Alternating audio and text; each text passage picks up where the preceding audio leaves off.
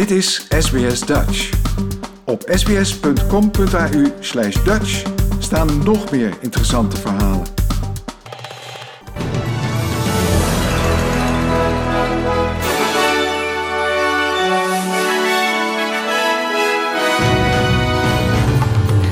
Dit zijn de headlines van het SBS Dutch News Bulletin van zaterdag 18 juni.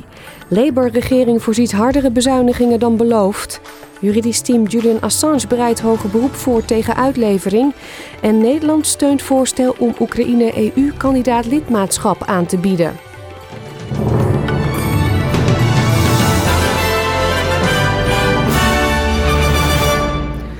Federale regering zegt dat ze in de begroting van oktober mogelijk gedwongen meer zal moeten bezuinigen dan beloofd. Federaal Treasurer Jim Chalmers vertelde tegen Australian Financial Review Weekend dat hij kan pleiten voor het inkorten en terugdringen van verspillende uitgaven die een erfenis zijn van de vorige regering. In een gesprek met Nine's Weekend Today Show zei de minister van Onderwijs, Jason Clare, dat zijn collega's van de regering de verkiezingsbeloften zullen nakomen, maar dat tegelijkertijd harde beslissingen moeten worden gemaakt. Federal budgets in worse shape than most state budgets. And so, what Jim's talking about there is one, we've got to make sure when we hand down this new budget in October that we implement the commitments we took to the election. But we've also got to go through it line by line, find the waste, find the rorts. You made the point today find areas of duplication where you might have two departments doing the same thing to make sure that we're getting bang for buck, make sure that taxpayers are getting value for money. De Australische federale regering zegt dat ze Julian Assange consulair bijstand zal blijven bieden. Na het besluit van het Verenigd Koninkrijk dat zijn uitlevering aan de Verenigde Staten kan doorgaan. Tientallen mensenrechtenorganisaties hebben het besluit van de Britse minister van Buitenlandse Zaken veroordeeld. Volgens federaal minister van Buitenlandse Zaken Penny Wong en de procureur-generaal Mark Dreyfus heeft de zaak van Assange te lang geduurd en moet deze worden afgesloten.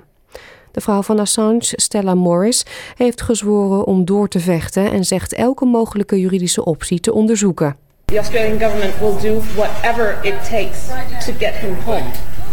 Whatever it takes. This is a political case. It has to be resolved at the highest levels. Let's stop pretending. There is no legality. The only the only thing on display is illegality. Julian Assange wordt door de Amerikaanse autoriteiten gezocht vanwege 18 aanklachten, waaronder spionage, met betrekking tot het vrijgeven van vertrouwelijke Amerikaanse militaire gegevens door zijn organisatie Wikileaks. Nederland steunt het voorstel van de Europese Commissie om Oekraïne en ook Moldavië het kandidaat lidmaatschap van de EU aan te bieden. Nederland was eerder zeer kritisch over het kandidaat lidmaatschap van Oekraïne en stuurde aan op extra voorwaarden. Maar volgens minister van Buitenlandse Zaken Wopke Hoekstra en premier Mark Rutte is er geen sprake van een gewijzigd kabinetstandpunt. Het kandidaatlidmaatschap van de twee landen zou een grote geopolitieke verschuiving zijn als gevolg van de Russische invasie.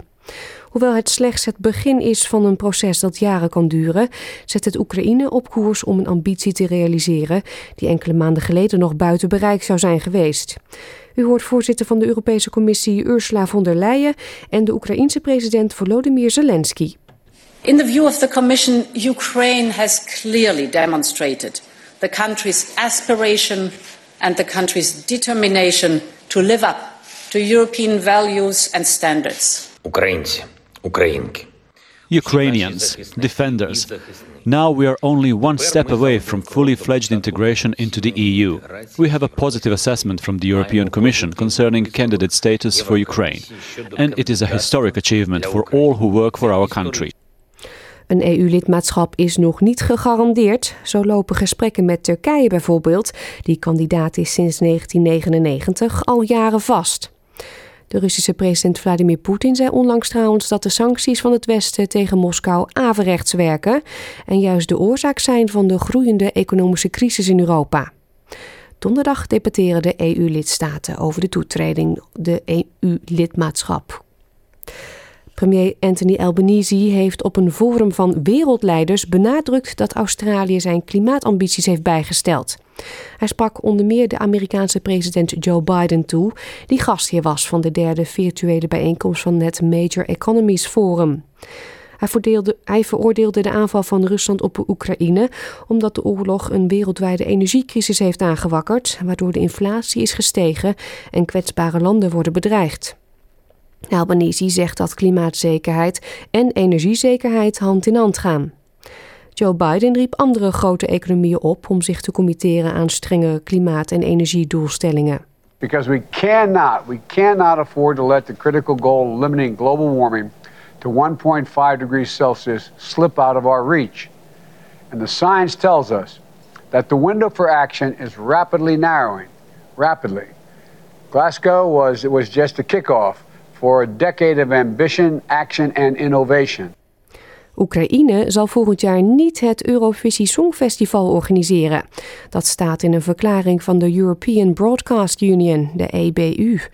Aanleiding voor het besluit is natuurlijk de oorlog in Oekraïne. Oekraïne won in mei het festival en het is doorgaans gebruikelijk dat de winnaar het jaar daarop gastheer is. De EBU stelt onder meer dat door de oorlog en het gebrek aan veiligheid een verantwoorde organisatie onmogelijk is de Oekraïne afvalt, moet er een ander gastland worden gevonden. Mogelijk wordt dat het Verenigd Koninkrijk, dat dit jaar als tweede eindigde op het Eurovisie Songfestival. Nepal bereidt zich voor om zijn Everest Base Camp te verplaatsen vanwege de opwarming van de aarde en de daarmee komende veiligheidsrisico's. Het basiskamp wordt tijdens het klimseizoen in de lente gebruikt door maximaal 1500 mensen en is gelegen op de Khumbu-gletsjer. Het nieuwe kamp is te vinden op een lagere hoogte, omdat volgens onderzoekers door smeltwater de gletsjer destabiliseert. Klimmers zeggen dat, terwijl ze slapen, er steeds meer spleten verschijnen in het basiskamp. De plannen volgen de aanbevelingen van een commissie gevormd door de Nepalese regering om het bergbeklimmen in de Everest-regio te vergemakkelijken en te controleren.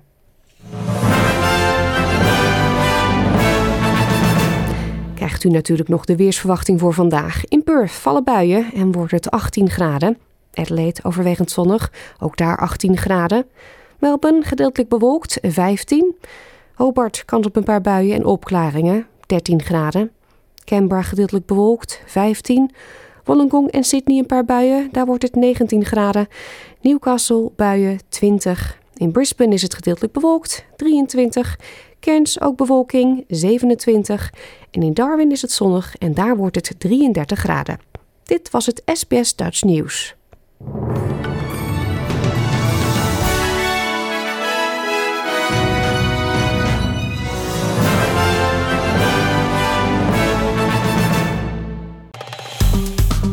Like, deel, geef je reactie. Volg SBS Dutch op Facebook.